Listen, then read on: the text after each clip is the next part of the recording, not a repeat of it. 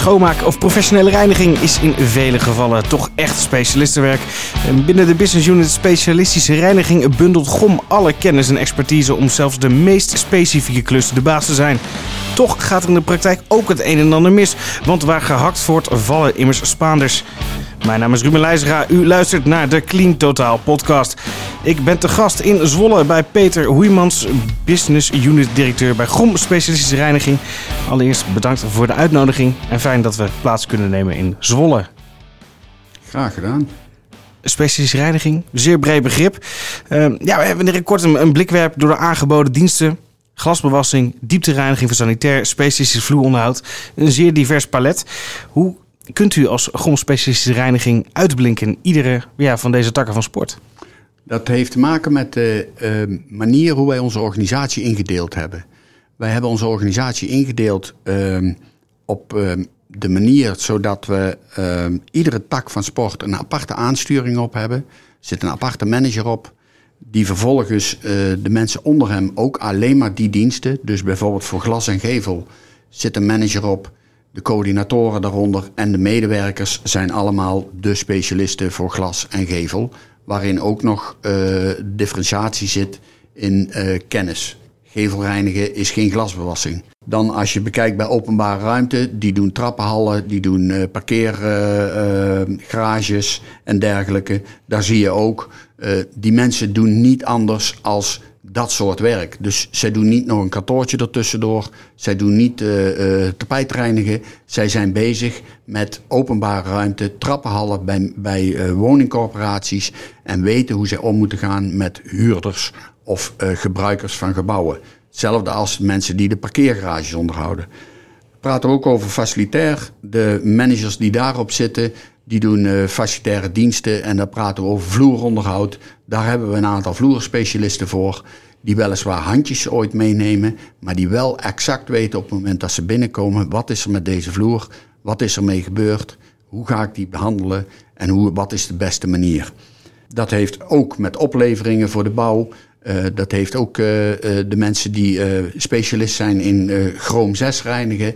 Als er panden zijn waar chroom 6 vervuiling zit, kunnen wij die ook aanpakken. En wij weten hoe dat moet. Uh, dat is niet uh, even met een, uh, een kwastje erover. Nee, dat vraagt heel specialistisch werk. En ook daar zitten leidinggevenden op die daarvoor zijn, zijn opgeleid. En die exact weten wat ze moeten doen. Dus zeer specialistisch en zeer specifiek. Ik kan me voorstellen dat glasbewassing het grootste segment is binnen specialistische reiniging. Klopt dat? Nou, samen met facilitair is dat het grootste waarin op dit moment uh, openbare ruimte toch ook wel uh, erg in opkomst is. Uh, omdat je daarin ziet dat er steeds meer diensten daar gevraagd worden. Dan praten we over bijvoorbeeld huismeesters of vastgoedbeheer die leegstand of wisselingen van vastgoed kunnen faciliteren. Dus op bepaalde plekken groeit de markt nog steeds. Ik kan me wel voorstellen dat de marktontwikkelingen niet altijd even positief zijn. Voor mijn gevoel gaat de frequentie regelmatig toch eerder omlaag dan omhoog. Hoe gaat u daarmee om? Wij adviseren al onze opdrachtgevers wat de consequenties zijn op het moment als frequenties naar beneden doen, maar ook als ze omhoog doen. Neem even glasbewassing. We hebben een aantal jaren zagen we dat de glasbewassing van, uh, nou, ik, ik heb nog meegemaakt dat het 12 keer per jaar was, maar zes keer per jaar naar vier keer per jaar, naar één keer per jaar nu uh, zijn opdrachtgevers. En je ziet daarin het glas en uh, de omlijstingen echt zienderogen achteruit gaan, waarin hele hoge kosten komen.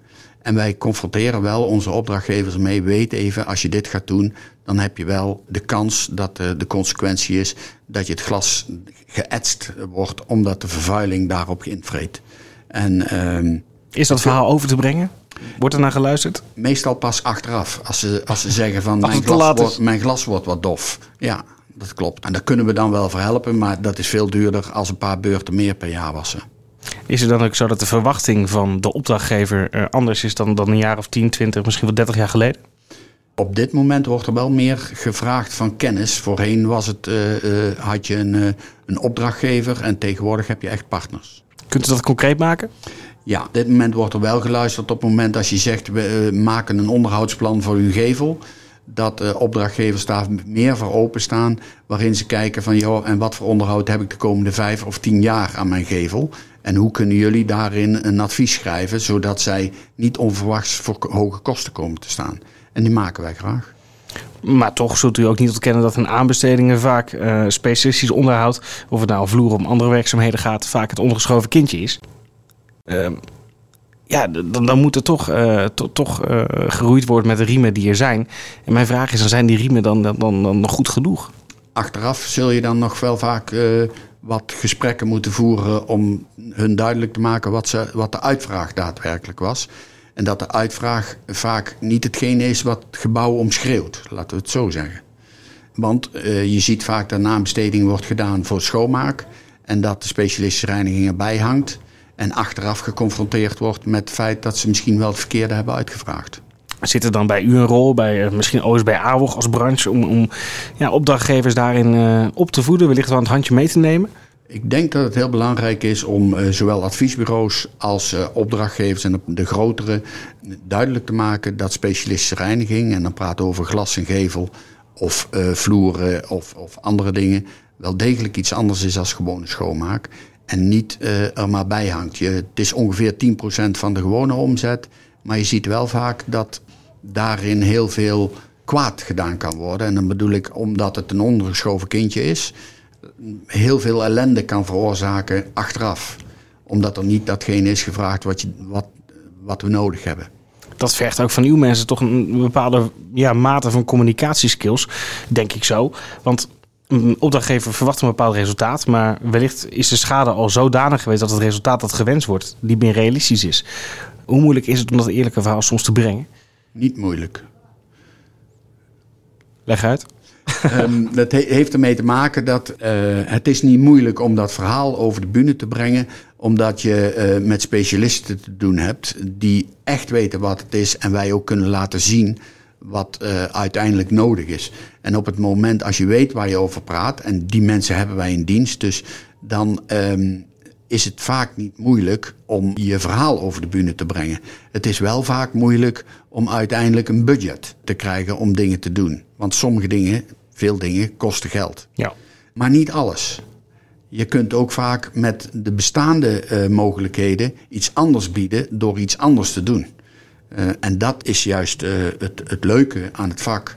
Dat je kijkt binnen bepaalde budgets, wat kun je daarvoor wel bieden, zodat de opdrachtgever uh, tevreden is, maar ook de uitgevoerde dienst beter is.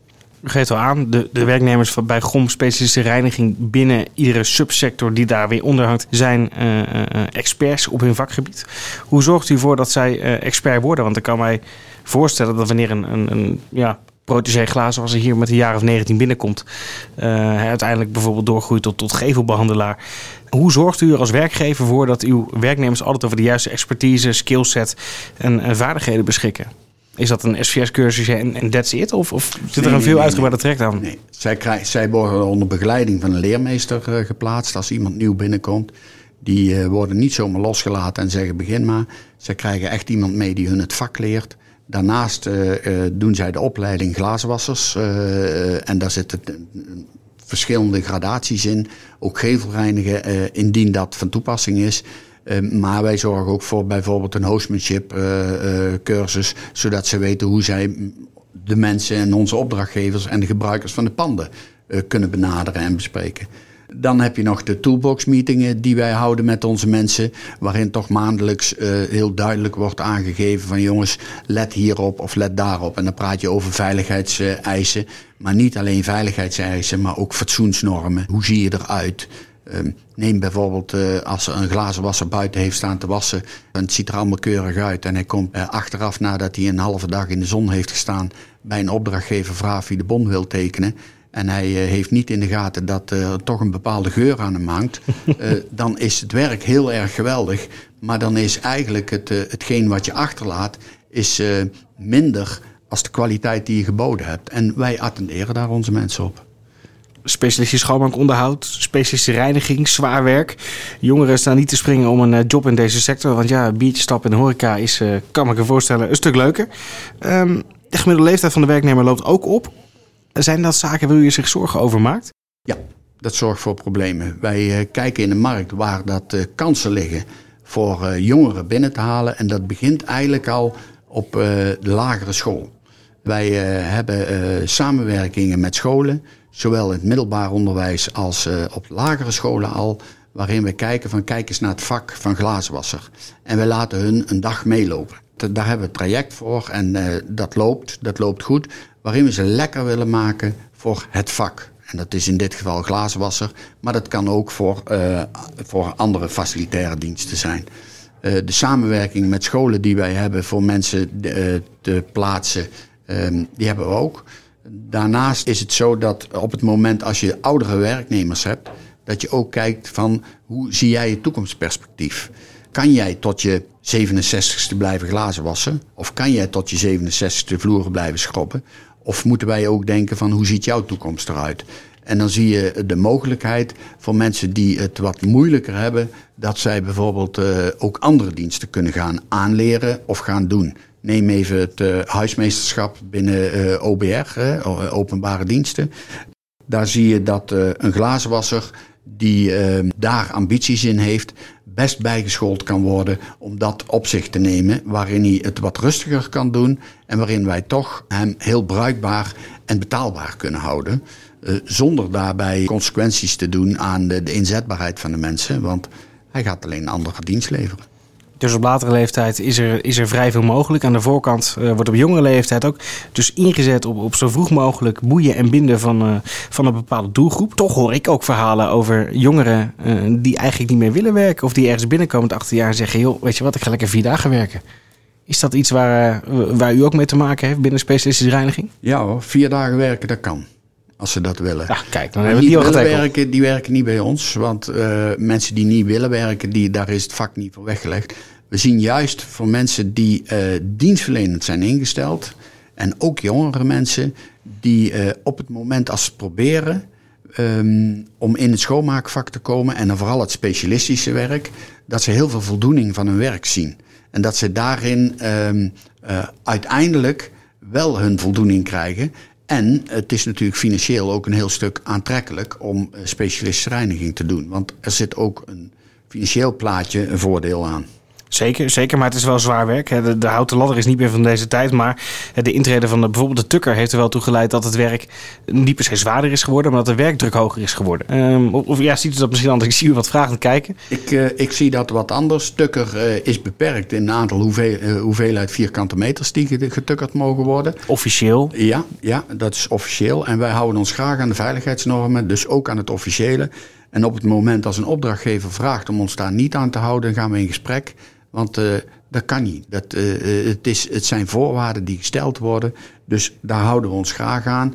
Dat wil niet zeggen dat gemakshalve glazenwassers wel eens wat meer doen. Als de vierkante meters die ervoor staan. Omdat ze het vervelend vinden om een hoogwerker te pakken. Of om andere mogelijkheden te vinden om, om het te doen. Maar wij zeggen altijd, zoveel vierkante meter tukkeren, wij benoemen die ook. En uh, vervolgens mogen ze uh, de rest gebruiken, een hoogwerker of uh, wat daarvoor staat. Ja, ja, begrijpelijk. Toch kan ik me voorstellen dat u daar een, soms een moeilijkere concurrentiepositie heeft. De, de instapdrempel voor dit soortig werk is, is vrij laag. Um, vrij veel concurrentie in de markt. Um, heeft u er last van? Of is dat een verkeerde aanname die ik hier maak? Mm, ik denk dat de markt uh, nu aan het kantelen is dat als je het personeel hebt, degene die het uit wil voeren, je ook het werk kunt krijgen.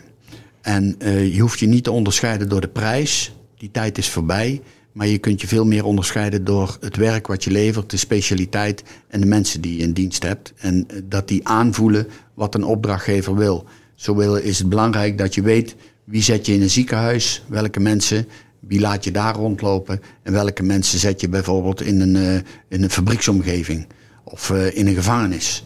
Uh, nou, de gevangenis, dan moeten geen gevangenen zijn, die zijn allemaal gescreend. Maar we moeten wel weten dat het iemand is die rustig is en weet hoe die met calamiteiten om moet gaan.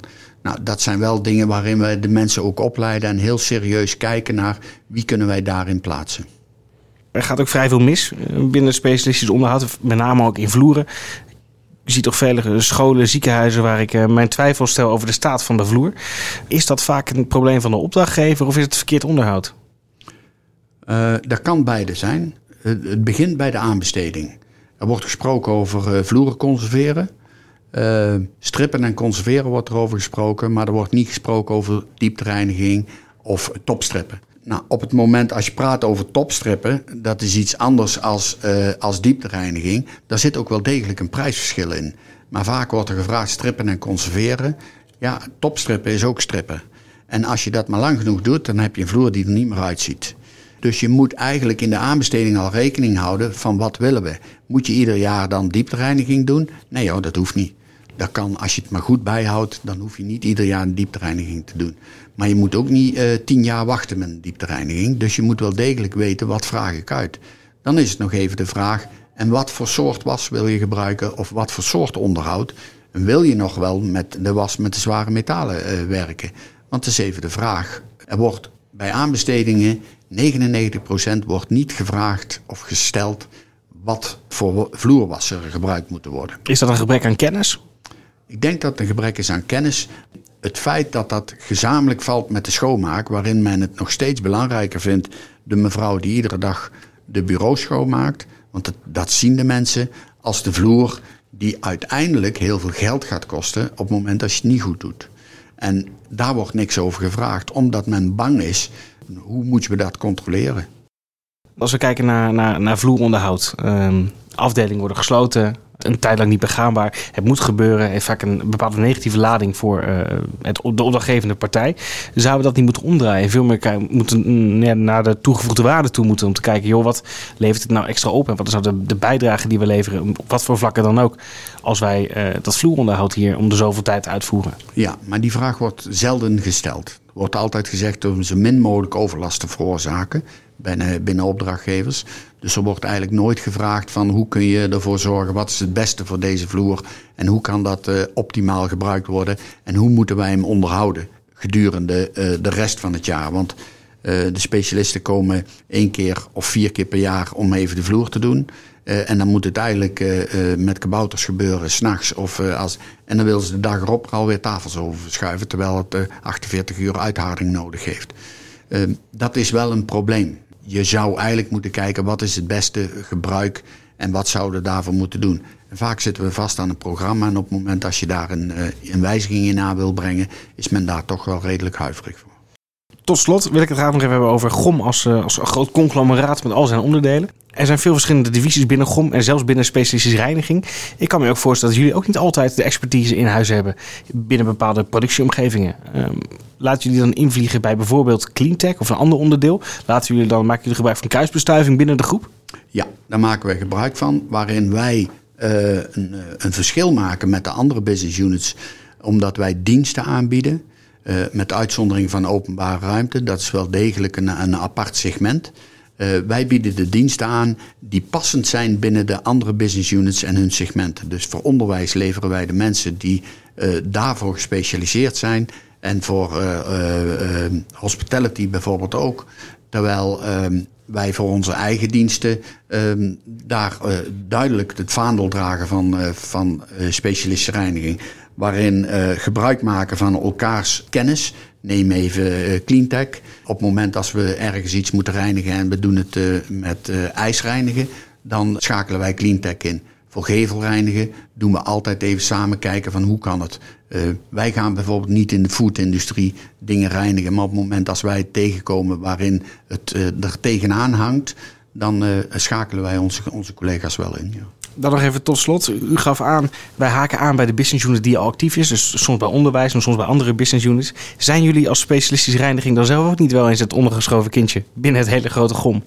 Soms zijn we het ondergeschoven kindje, maar dat weten we. Omdat we deel uitmaken van uh, de anderen, zijn wij uh, een, een onderdeel op dat moment. En zo acteren we dan ook als zijnde van een onderdeel van de business unit. De samenwerking is hier een heel groot, waarin wij altijd wel kijken van joh, het specialistische werk moet apart benoemd worden, waarin wij duidelijk voor die werkzaamheden naar voren komen. Krijgt u daar voldoende de ruimte voor? Duidelijk. Tot zover Peter Hoeimans, business unit directeur van GOM Specialistische Reiniging. Dank voor uw tijd. En wilt u nou meer weten over GOM en alle business units die daaronder vallen? Kijk dan even op de website www.gom.nl of op www.ongewoonschoon.nl.